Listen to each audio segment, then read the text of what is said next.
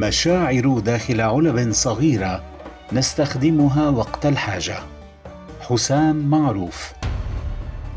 العالم لا يتوقف عن الحركة والأحداث في عصر التكنولوجيا صارت متدفقة بشكل غريب.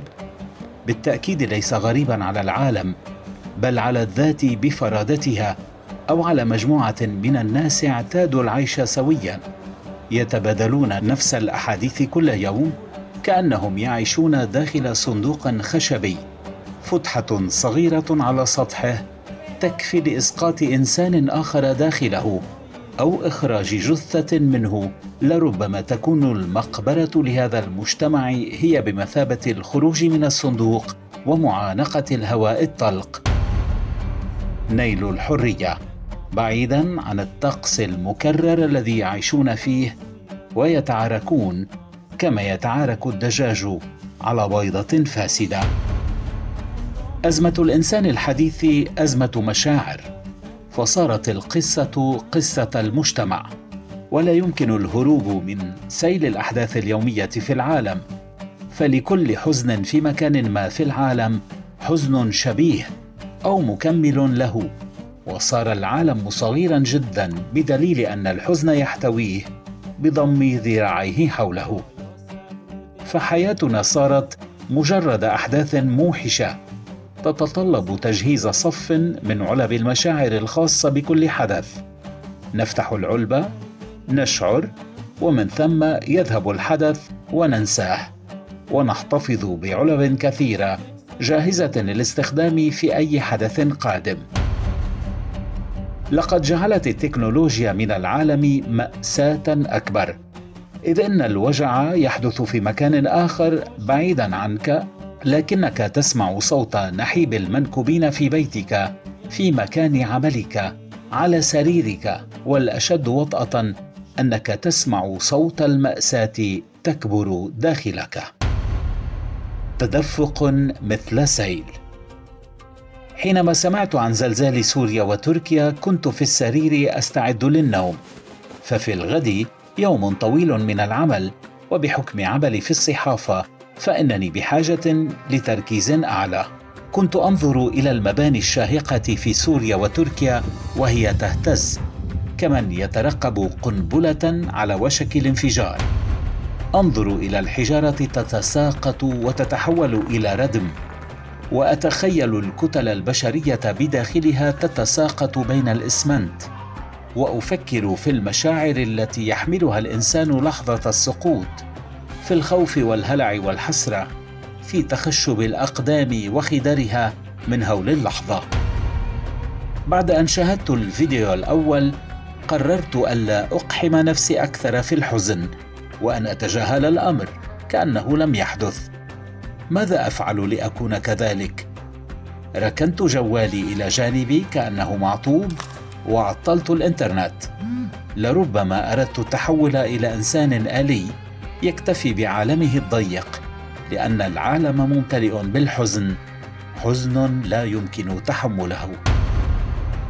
لكن لست أدري كيف دار الفضول مرة أخرى كأنه وسواس لا يتوقف عن ابتزازي.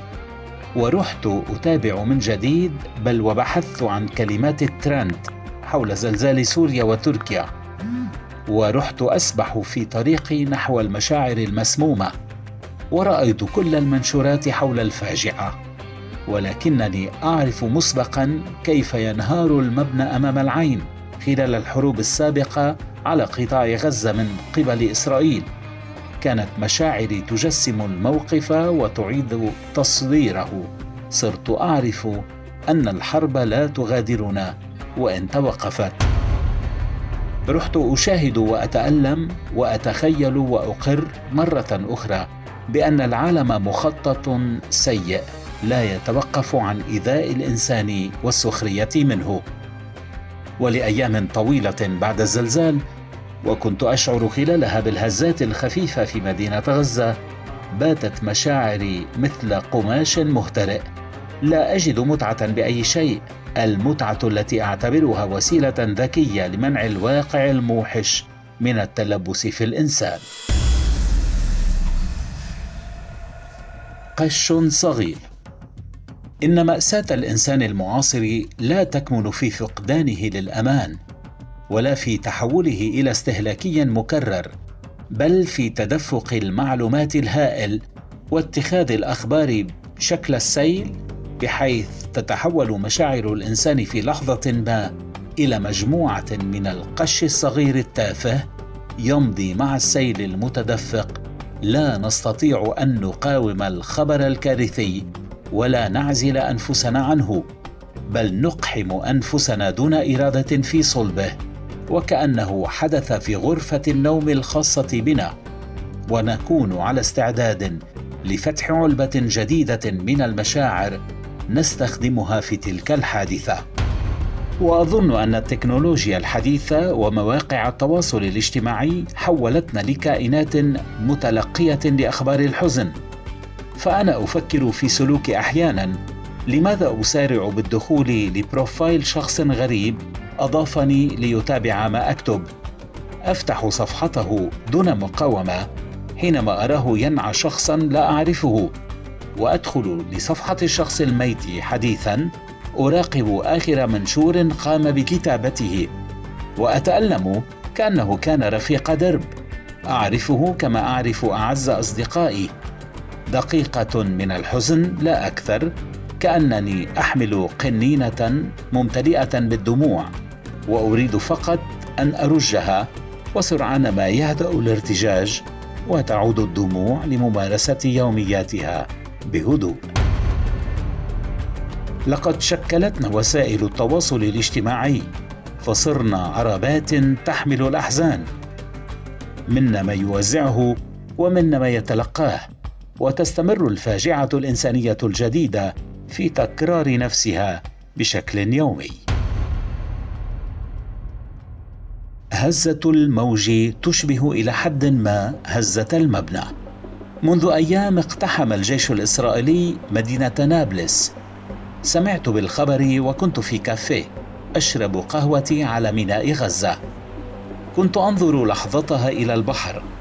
أتخيل هزة الموج وأتذكر هزة المبنى وقت الزلزال. يدخل الجيش الإسرائيلي نابلس ليمارس وحشيته في قتل البشر بينما تهتز الطبيعة لتهدد الجميع. وهذا ما يمكن اعتباره تكرارا لنفس السياق. مشاعر معلبة سرعان ما تنتهي صلاحيتها ثم يعود الإنسان لتكرار وحشيته على الآخرين. وكان علي أن أفتح علبة مشاعر جديدة لأستخدمها هذه المرة. ويخرج علينا أصحاب الأفكار التشاؤمية وأدعياء النهايات في مواسم الحزن ليؤكدوا على اقتراب الميعاد المعلق في مخيلاتهم حول النهاية السوداء للعالم. وأجيبهم بسخرية. هذا يتطلب فتح جميع علب المشاعر. حاوية.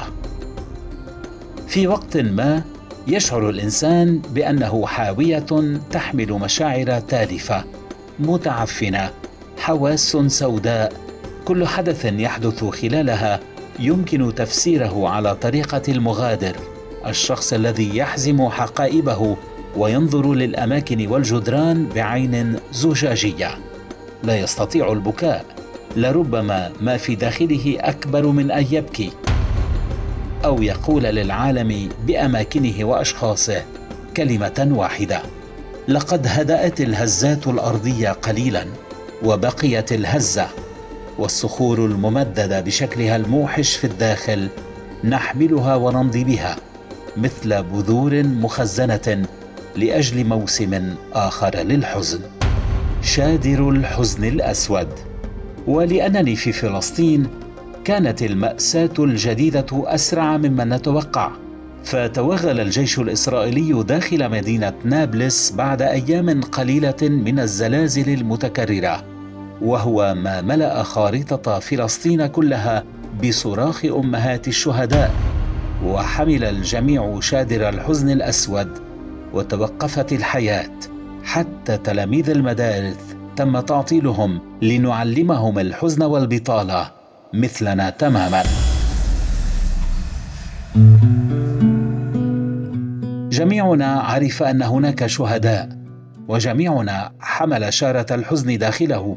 وفي الوقت الذي قلت إن هذا الحزن اعتيادي لا يحتاج إلى مجهود أكبر للتخلص منه بعد يومين رأيت فيديو الممرض الفلسطيني الياس الأشقر الذي تم استدعاؤه لغرفة الطوارئ لإنقاذ حالة مستعصية لرجل سبعيني يرقد هناك. يصور الفيديو الحدث ليس كما هو ففي الحدث دوما لحظة أكبر من الصورة.